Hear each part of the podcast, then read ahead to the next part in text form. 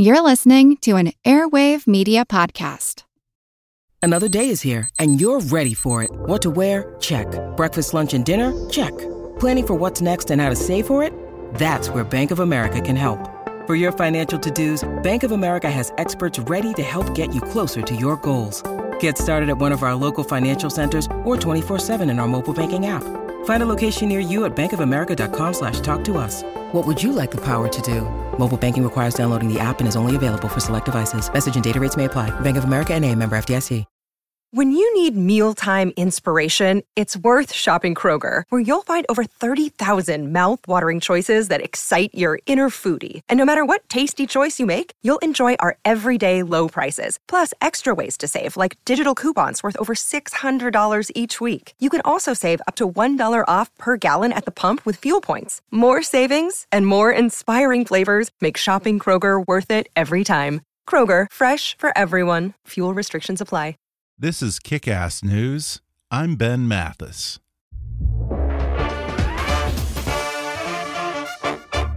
Hey, folks, it's Ben Mathis here with just a quick favor to ask. We love having great advertisers support the show, but in order to continue doing that, we need your help.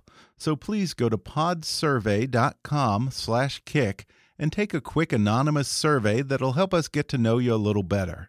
That way, we can show advertisers just how enthusiastic our audience is about kick ass news and keep the show free for listeners like you. Even if you've taken our podcast listener survey before, the current one is new and different, and it's really important that we have lots of listener feedback, so I'd really appreciate it if you take a minute to fill out this new one. Plus, as a thank you, once you've completed the survey, you can enter to win a $100 Amazon gift card. Again, that's podsurvey.com slash kick. P O D S U R V E Y dot com slash kick. Thanks for your help and thanks for listening. Today's podcast is sponsored by Nadex. Do you want to try day trading the markets but worried about the risk? What if you could choose your maximum risk and reward up front? Well, you can with binary options on Nadex. Trade global stock indexes, commodities, forex, even economic numbers, all from one account and always with limited risk. See for yourself why over 100,000 members choose Nadex. Find out more at nadex.com. Trading on Nadex involves risk and may not be appropriate for all investors. And now, enjoy the podcast. Hi. I'm Ben Mathis. Welcome to Kick Ass News. I always hear people lamenting that America doesn't invest in the kind of moonshot science initiatives that inspire people anymore. Fifty years after Neil Armstrong first uttered those famous words, one small step for man, one giant leap for mankind, the promise that we'd all be vacationing on the moon and sending manned missions to Mars by now have failed to materialize. But one former astronaut is daring to go boldly where no man has gone before with an ambitious initiative called 100 Year Starship which is pushing the frontiers of space exploration, ensuring the capabilities for human interstellar travel exist within a hundred years. It's headed up by Dr. Mae Jemison, who's an astronaut, physician, engineer, environmental studies professor, science literacy advocate, social scientist, and founder of two tech startups. She became the first African American woman to travel in space when she went into orbit aboard the Space Shuttle Endeavour on September 12, 1992. And now she's getting young people excited about science, promoting STEM education, and serving as a leading voice in the discussion of the future of space exploration. Today, Dr. Mae will outline her bold vision for exploration beyond our solar system and the science that may make her goal possible within our century.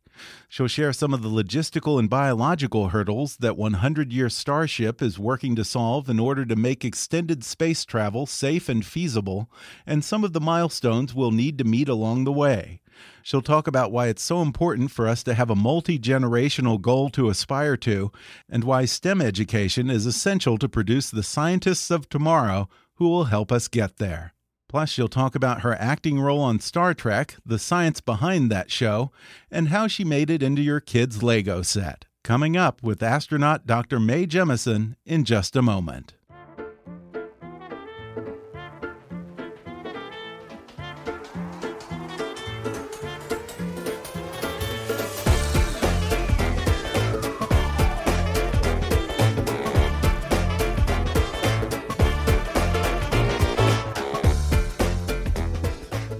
Dr. Mae Jemison is a leading voice for science, social responsibility, and innovation.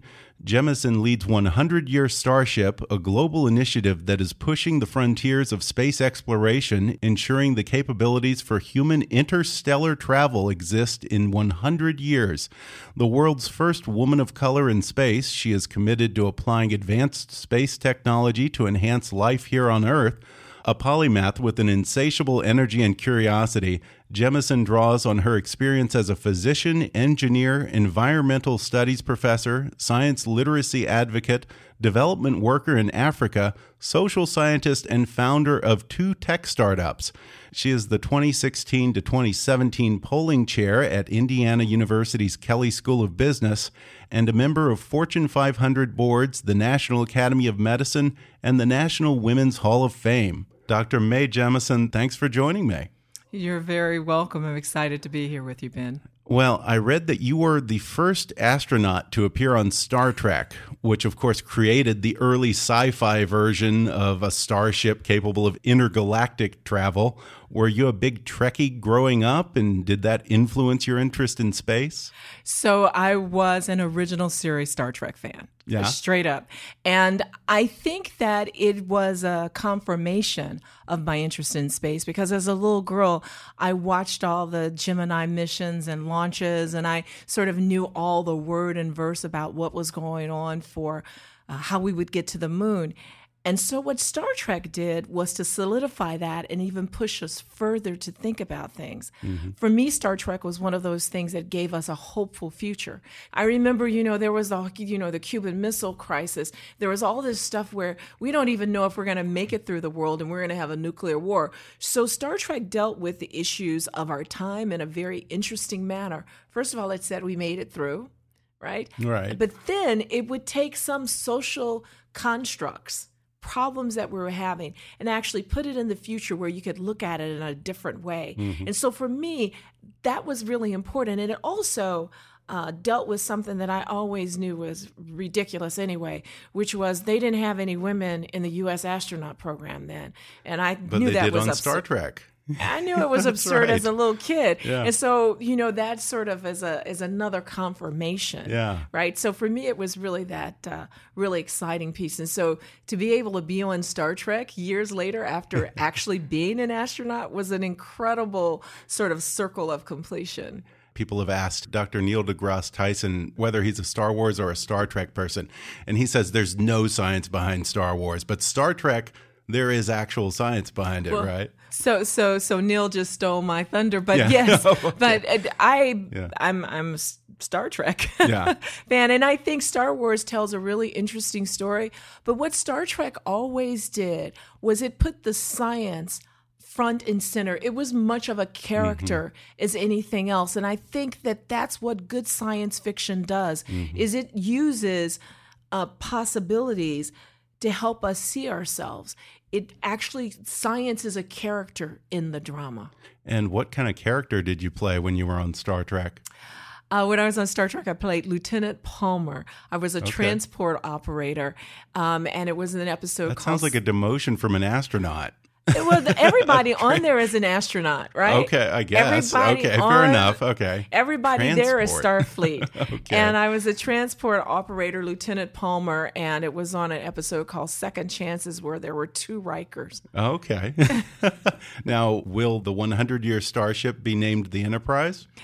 No, and so 100 Year Starship is really about making sure that the capabilities exist for human mm-hmm. interstellar travel in 100 years. And I use that framework about capabilities because this isn't about wow, we're going to have a star trip built and ready to launch in, you know, uh, 2112. That's not what it's about. It's about uh, maybe just use the title of the proposal, which was An Inclusive, Audacious Journey Transforms Life Here on Earth and Beyond. It's really about how trying something really, really difficult can move us forward here on this planet.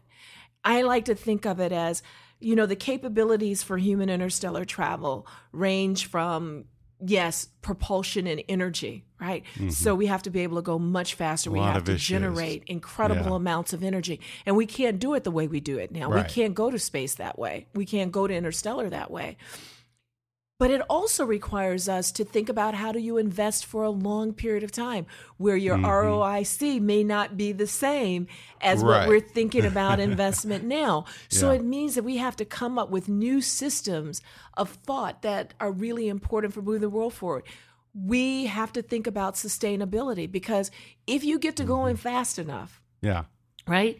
You're not going to stop off to get groceries or something like that. You're going to have to take everything with you. So Yeah. you're going to have to be sustainable. We're going to have to learn so much about the microbiome, about our our bodies and our systems, and how um, how to keep ma- machinery working, self error detection, and then you can even go to human behavior and governance And psychology. and psychology. How do you keep teams together? But even more, what does it mean for life here on Earth to Mm-hmm. actually have something that far away? For me, I, I, you know, there's this wide range of things. So it's not just about building a starship. It's not Okay. about the enterprise. It's about how do we collectively on this planet come up with an ambition hmm that's bigger than all of us and that for me helps us to see ourselves as earthlings. So it's not a hard 100 years necessarily. You're, saying we would like to have the capabilities by then, but we're not talking a launch date. Because, you know, Donald Trump just had a conversation over the phone with, uh, who was it? I think Peggy Whitson, the astronaut from the International Space Station. And he asked her, How soon can we get to Mars? She reminded him that he had just signed a NASA funding bill with the goal of getting to Mars in 2030. He responded, and this is a direct quote Well, we want to try and do that in my first term, at worst during my second term. So we'll have to speed that up a little bit. Are you prepared for that? If you have to talk to the president about funding for this, that uh, he might pressure you to turn it from a 100 year starship into a four to eight year starship? So here's the thing I'm just going to say, as far as 100 Year Starship is concerned, we have a we are holding ourselves to a hard Yeah. date not for the design but to Okay. make sure the capabilities exist Yeah. and so really understanding and like pushing in some areas how do you jumpstart certain disciplines Mm-hmm. around energy or what we did was of uh, health and and and carrying a medical infrastructure with you but let me go back to mars for a second okay. Do you feel a little competitive with the Mars mission? no, because I think Mars is necessary but not sufficient Okay. for what we need to do, right? Because this is really, for me, about how do we survive as a species on this planet. hmm The reality is that the vast, vast majority of us are not going to be get off this planet. Our grandchildren, our grandchildren's grandchildren, grandchildren are going to be right here. So we have to vi- figure out how to survive on this starship. hmm And right now, we've been really doing very incremental things that haven't been getting us anywhere. All the capabilities required for human interstellar travel are the very same ones that are required for us to survive as a species on this planet. And right now, we have been approaching this whole thing about human life on Earth in a very incremental way, as though we have forever to do it. People have asked me, what did I take back from my space flight? So, you know, you know, boundless excitement. I worked so hard on experiments and other things, incredible work that way. But when I looked out of the window, I saw this incredible planet. I saw the moon and the stars, right? And they were so permanent. And when you look down at the earth, is this thin, shimmering layer of blue light, which is our atmosphere that supports our life form. And something uh, happened which confirmed something I always believed. You know, this planet will be here. It has wonderful sights, sounds, and vistas. It will be here, but we may not be here. Mm-hmm. You know, we get it mixed up. We say save the earth. It's not the earth, it's about saving ourselves. The earth will come up with some new life forms, right?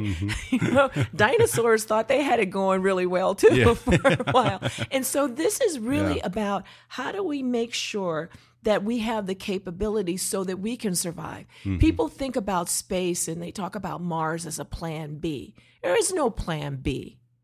There is no plan Yeah. B. Yeah. You know, it's really about we can extend ourselves, we can move further, but until we figure out within the next, you know, 50 years, how do we evolve sustainably? Mm-hmm. We're in a really big, uh, yeah. in, a, in a conundrum.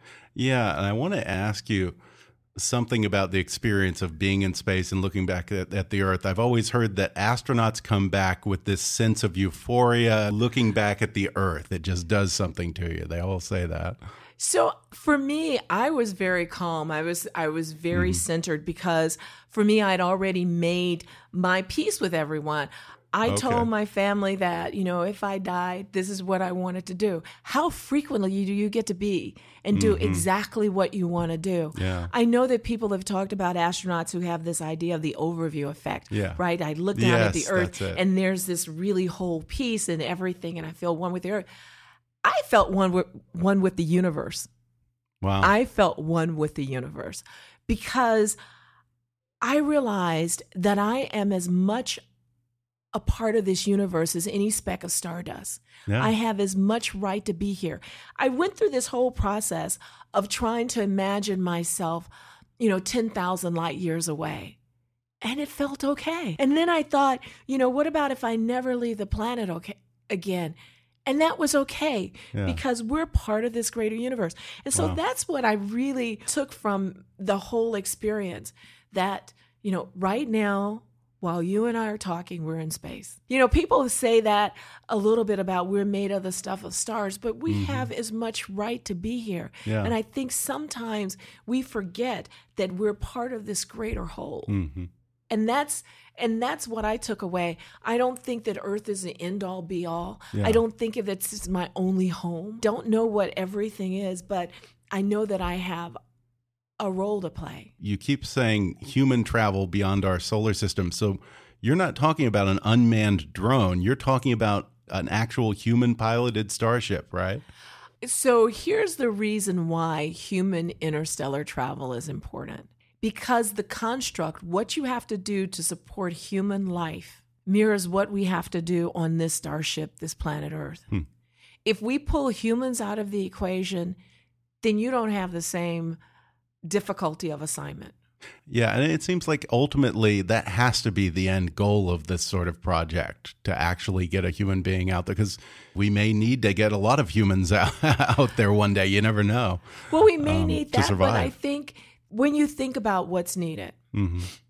so you have to figure out sustainable agriculture. You have mm -hmm. to mm-hmm. feel, like, figure out recyclability of clothing, for example. Mm -hmm. So we have brought in people who never were involved in space exploration, deep subject matter experts, because that's my task. How do I mm-hmm. get people involved? The reason we aren't further in space now is not uh, because of lack of technological capabilities, it's because of lack of public commitment. Mm-hmm. We're not on the moon right now because of lack of public commitment.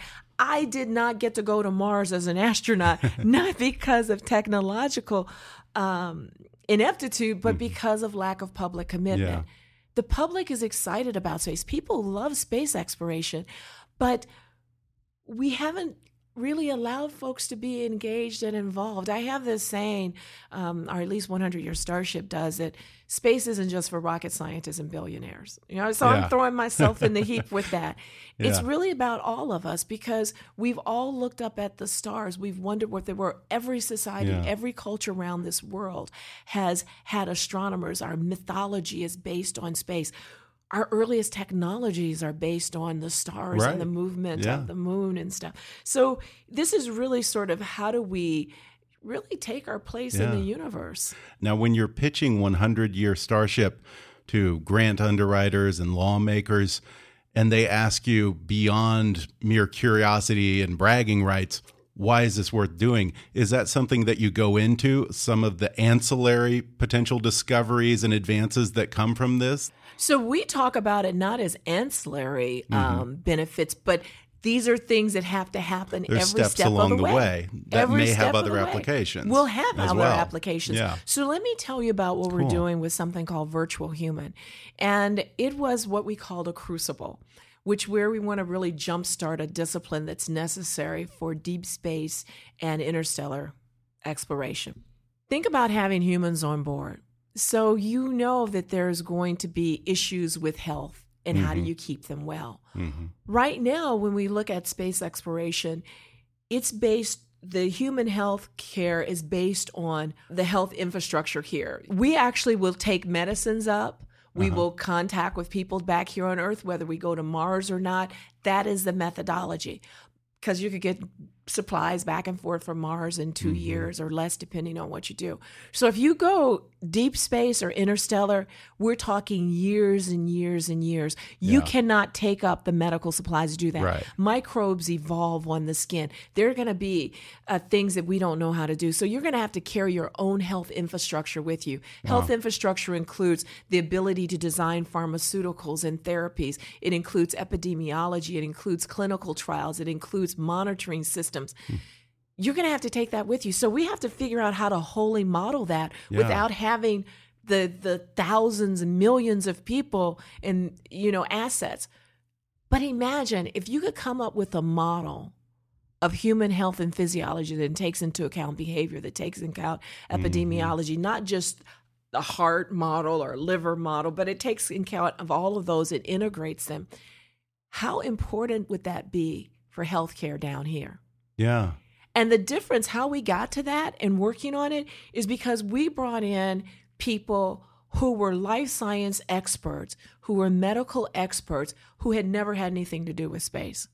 And so when they looked at the issue, Wow. they saw something very different. Yeah. I think that if we had just only been working with people, life scientists who were involved with space exploration, we would have hung out around microgravity and lack of gravity because that's what we've been working on. Yeah. And lack of gravity is important, but here's this bigger system and structure that be, that includes microgravity mm-hmm. if you have that as an issue if you don't figure out how to do it otherwise.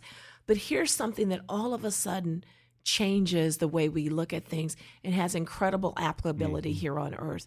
You know, we can go f- all around this and sort of say every step of the way, how do we apply these things? Yeah.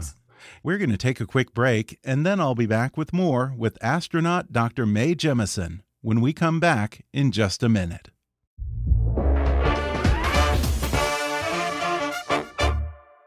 Warning if you're drowning in debt you can't afford, do not let the credit card companies trick you into thinking you have to pay it all back, because you don't.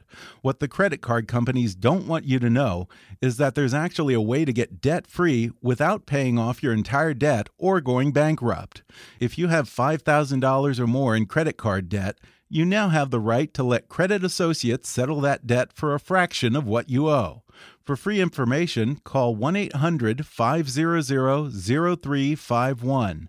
They'll even show you how much money you could save. If you can't afford to pay off all your debt, don't let the credit card companies trick you into thinking you have to. Call Credit Associates now for free information on how to get debt free faster than you thought possible without debt consolidation or bankruptcy. Credit Associates depends on your success and offers a guarantee, so there's no risk. For free information, call 1 800 500 0351. That's 1 800 500 0351. And now, back to the podcast. I was interested to read that as part of this project, you're studying bone growth. Now, how do you relate that to this type of mission? So the we have a lot of people involved. So some of the folks that we have actually do tissue culture. There's a um, a professor at Rutgers University uh, named uh, Dr. Ronke Olabisi who looks at um, bone growth and how do you get bone to grow where you want it to grow. So she has some really incredible work there. Obviously, in microgravity, right now, since we don't have an artificial gravity, we're not doing acceleration where people can, you know, not have to worry about bone resorption. That's an important piece. Mm-hmm. So, you know, there are all these pieces that fit together. And what we really want to do is to really create a transdisciplinary look Yeah. at things notice I didn't say interdisciplinary, but Yeah. transdisciplinary, how you Yeah. grow across disciplines for solutions. Mm-hmm. We do that by um, working on having public symposiums where we get people together writ large. We now call it Nexus, 100 Year Starship Nexus, 100 YSS Nexus, because this is the crossroads of all these things that have to happen uh, economic investment, um, understanding what are the some of the cultural, sociological, spiritual implications of this. We have people who are involved with uh, deeply involved with religion. Working with us, who are deeply involved with arts and culture, with policy, as well as those who are looking at, you know, exotic propulsion systems and uh, looking at, uh, you know, exoplanets and you know the wide range of things because this has a larger impact. Now, you mentioned energy. That seems like the biggest hurdle, perhaps. Um, what kind of energy would you need to accomplish this? Are we talking about some kind of antimatter rocket or, or what? So um, we need orders of magnitude more energy than we can generate with chemical to be able to go fast enough. So we're going to have to do something that is either fission. Right, so you split atoms apart. We do fission now, but we don't know how to store and control that energy as well. Okay. So we have to figure that out. Fusion, which powers the sun, where you put molecules together. Fission, you break them apart. Uh, fusion, you put atoms together. That's what powers the sun. That's in orders of magnitude more than the energy you get from fission. Or antimatter, which is even more than that. Right. We don't really know how to do fusion really well. We don't know how to do antimatter at all because we're really Yeah. looking at how do you store it. That's the big issue. Even if you generate it, how do you store it? But imagine if we're able to go just a small step along the way for any of those Yeah. in in the storage really store energy that's a Yeah. big issue that we have with solar energy right now how do you store it Right. Yeah. So that again, these so many applications right here on Earth that So could come of something like this. absolutely you, as you push on this right as you push in these Mm-hmm. areas then you need to have radical what i call radical leaps in innovation. They're not the incremental ones. Because you know the incremental storage on a lithium battery just is not going to get it it's not going to happen so you have to come up with something very Right. very different. And that's the approach that we're taking.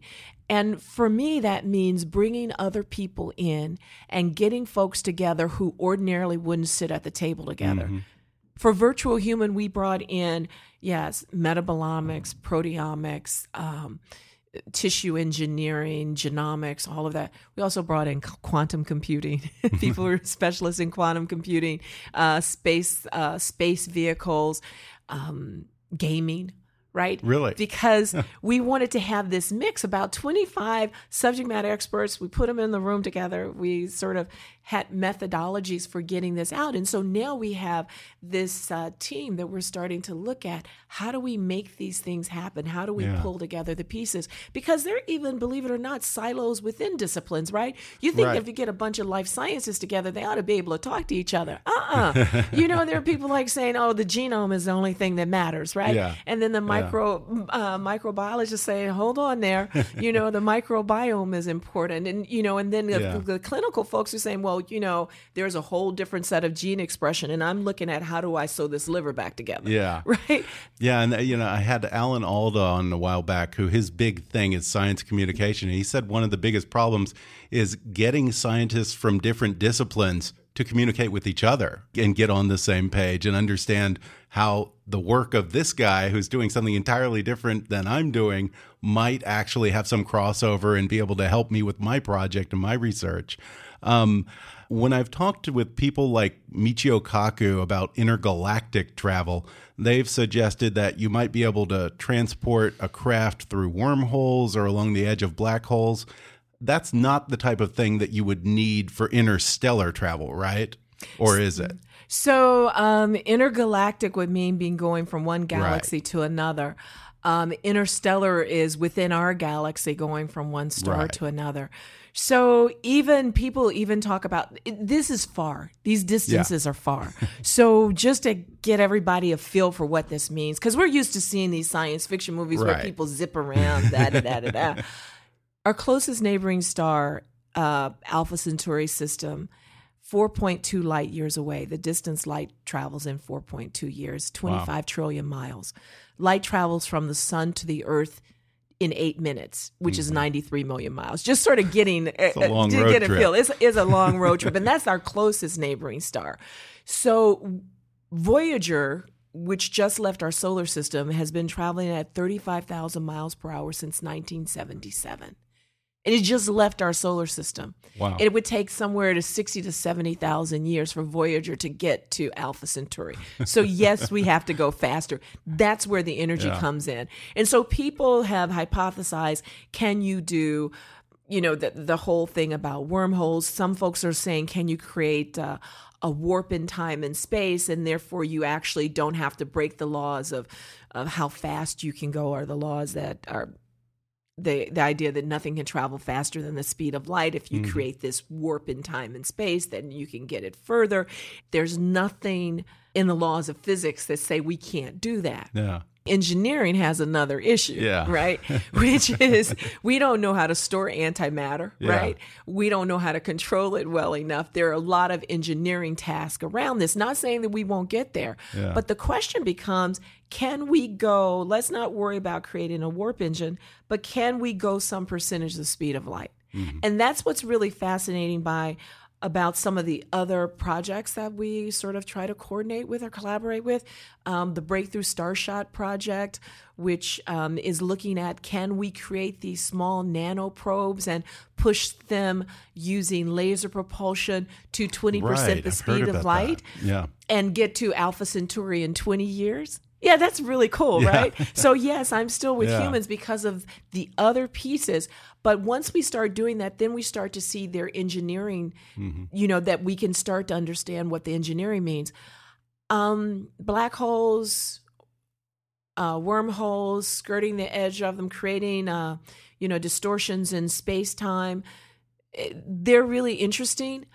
I don't know that we can get to them hmm as quickly as we might be able Okay. to propel something really, really fast, 20% the speed of light. Yeah. Which, I mean, I'd take Alpha Centauri in 20 Yeah. years, right? It is would you say that's probably the most likely goal, Alpha Centauri? I don't know. Well, one of the things that we're also looking at and that other folks are looking at is where do you go? So Alpha mm-hmm. Centauri is the closest one. So yeah, we you know sending probes there is like it brings a big smile on my face. I'm smiling right now, right? Because that means that we've shake we've shook hands with with our neighbor, right? Which is uh, really important Yeah. but so people are trying to visualize exoplanets around it where do we go do you have any supplies that you know if you go there so maybe you hang out there but you're going to have to get supplies for other things what does that mean Right. are are there other star systems that may be within a distance that we could actually get to Mm-hmm. because if you go 10 light years out then there are many more maybe 50 or more Yeah, and they star may be systems more that you can go to hospitable. that may be more hospitable. There are some things that we start to say, what are the capabilities? How do we push on these capabilities? At the same Yeah. time, even though understanding what's out there will also generate some capabilities. Mm-hmm. So if we're able to actually see and say, this planet around such and such a star could support Terran life forms, Earth life Mm-hmm. Yeah. forms, assuming it's not occupied already. That generates remarkable remote sensing capabilities that we can use here. It generates remarkable insight on on planetology. Mm-hmm. But I want to go to some other place. How do we get ready as a society to do these kind of things? Mm-hmm.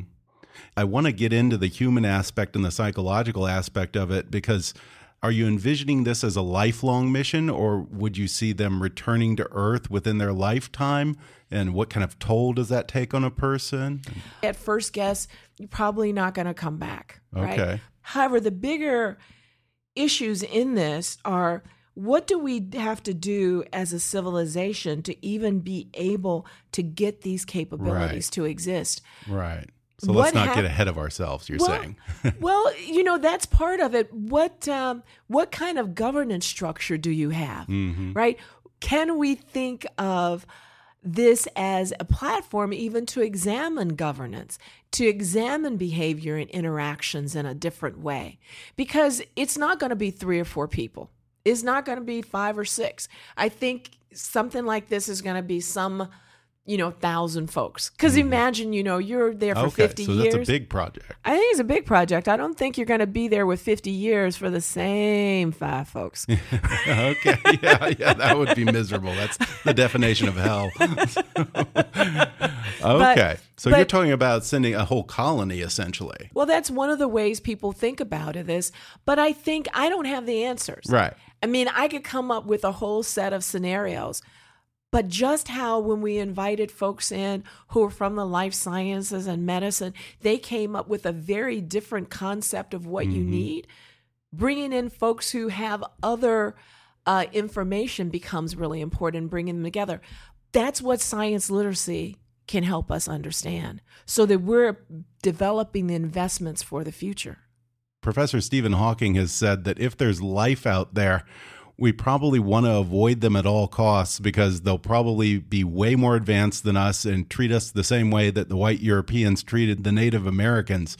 Do you have any worry that by venturing way beyond our own backyard, we might attract the attention of a more advanced race and open a Pandora's box? So, this is the reason why I think we need lots of different people involved, folks who have studied societies and cultures that have a broader knowledge of the interaction between cultures. Everything that has happened on this earth, the cultures that were more advanced haven't always tried to get rid of the other culture. Right. Right. So there so of course we But look at the. European sometimes it's happened, sometimes it hasn't. Yeah. And so I think that that's the reason why we have to get people who like actually study this stuff Mm-hmm. all the time that that's their life's work. So there's another way that you can look at this. Could a society that is that um, bent on destruction actually make it off of its planet to another star system? Which Because is a lesson le- for us, too. because the levels of energy that we're talking about, the levels of energy that we're talking about could denude the planet, Mm hmm. right? So we could destroy ourselves. If our first goal is to say, hey, we're going to weaponize this, you know, like we did with the atomic bomb, Yeah. then we're in for a problem. Are we assuming that other societies said, hey, we're going to create a weapon, or this mythological society that may be out there? There are other ways to approach this. So I don't Yeah. necessarily know that you want to say, hey, let's keep our heads down. We're not going to say anything. Yeah. If they're that advanced, they will have already looked out and said, hey, hey, there's a planet with some water, there's a planet with life, whatever. They Yeah. might have already seen that. So, but I'm not going to say that that's the issue. I think the issue when we talk about going to other places is do we encounter microbes and viruses or other Right. things Yeah. that might be that we might that might infect us Mm-hmm. right that we can't that our immune system doesn't know anything about do we carry with us microbes and other things that this other planet's Yeah. immune system doesn't have anything to deal with. So I think that there are other pieces besides this one idea that any advanced form of life is going to be immediately hostile and is going to try to take all your marbles. Or let me say, I hope that we as humans are evolving where we're not always trying to take everybody else's stuff if we don't start to see ourselves as earthlings. That's just the bottom line. We're not going to make it off this planet. Mars is not a plan B. Interstellar is not a plan B because the problem is with us as humans and our philosophy. You are quite a polymath, and there are so many interesting things on your website, drmae.com, that's a little overwhelming for me. Uh, tell us before we go just a little bit about some of the other projects that you're working on. Well, I spend a lot of time on science literacy, so I put put together a project called The Earth We Share. That's the first thing when I did when I came out of NASA almost after. Uh, and The Earth We Share was really about creating new ways of teaching science experientially and tackling that age group 12 to 16 where kids start to fall out of science as a as this is what I want to do. So in order to keep students from asking the question, what does this have to do with me? We proposed teaching science in such a way that you automatically know what this has to do with you. So we'd have kids working in teams. Uh, working on projects like predict the hot public stocks year 2030 design the world's perfect house how many people can the earth hold and so we asked them to ask questions, to think about this, to work in teams, and have a whole methodology for that. And so that's one of the curriculums. I'm very, very excited about that. We um, have looked at over time um, something called Celebrating Women of Color in Flight, which was really about sort of changing how people see the perspective of who does aviation and aerospace. That around the world, women around the world are involved in aviation and aerospace. China has more uh, women pilots than any other country, which makes Really? sense if you think about the fact that China has more people, right? Um, But they also have fewer women because of the one child policy. But if you start to look at um, uh, India at the time, the second highest ranking person in the Indian Air Force was a woman. Really? You know, there's there are all these pieces that I, we wanted to bring together to sort of highlight what was going on, and that there were women who were uh, chief electricians aboard aircraft carriers, which these are women who don't have four year degrees. But they're really good in math and science. so we really wanted to highlight these things and sort of change the perspective of how people do things. I'd like to invite people to 100 YSS Nexus, which will actually be held in Los Angeles this Oh, year um, in the week of September 15th. And it's called Nexus because it's the crossroads of all those things that need to happen the art, the science, um, the life sciences, the propulsion, the music, the communications to make this happen, to help us see ourselves, to be able to push further. How exciting. We, we do something called the Canopus Awards for Excellence in Interstellar Writing. And the Canopus Awards are really about communicating the story, um, communicating it through fiction and through nonfiction, right? Wow. Um, and, and having a certain set of disciplines that um, go with that, you know, the idea of inclusion. How do we see lots of different people on board? Yeah. um, and involved with this. What happens with science is determined by the people who support it and who do the research. Yet at the same time, we're relying on science and technology to solve so many problems, and it's cutting a big swath through our world. And so we need more people involved. That's my task. 100 Year Starship is part of that task. I mentioned that you had the honor of being on Star Trek, and now Lego announced that you are one of five women of NASA in a new Lego kit. Have you seen your Lego yet? I, And I've it's seen my Lego a and decent we're working on it. it captured your square head and your lack of opposable thumbs. I'm not telling anything, right. but but it's I'm I'm pretty excited Yeah. about it. It was certainly a, an honor to be included Yeah. in the set. Well, great stuff. Dr. Mae Jemison, thank you so much for taking time to talk with me. You're very welcome. Thanks for listening to the podcast. Today's episode was sponsored by Nadex. Want to try day trading markets but worried about the risk? What if you could choose your maximum risk and reward up front? Well, you can with binary options on Nadex. Trade global stock indexes, commodities, forex, even economic numbers, all from one account and always with limited risk. See why over 100,000 members choose Nadex. Find out more at nadex.com. Trading on Nadex involves risk and may not be appropriate for all investors. Thanks again to Dr. Mae Jemison for joining me on the podcast. Visit her website at drmae.com and follow her on Twitter at, at Mae Jemison. Learn more about 100 Year Starship at 100yss.org or follow them on Twitter at, at 100yss. Be sure to subscribe to Kickass News on iTunes and leave us a review while you're there. Don't forget to take our listener survey. It only takes five minutes at podsurvey.com/kick. You can visit Kickass News on Facebook and follow us on Twitter at, at KickassNewsPod. And be sure to recommend Kickass News to your friends on your social media. And if you really want to help out, then donate to our GoFundMe campaign at gofundme.com slash kickassnews or click on the donate button at kickassnews.com. As always, I welcome your comments, questions, and suggestions at comments at kickassnews.com. For now, though, I'm Ben Mathis, and thanks for listening to Kickass News.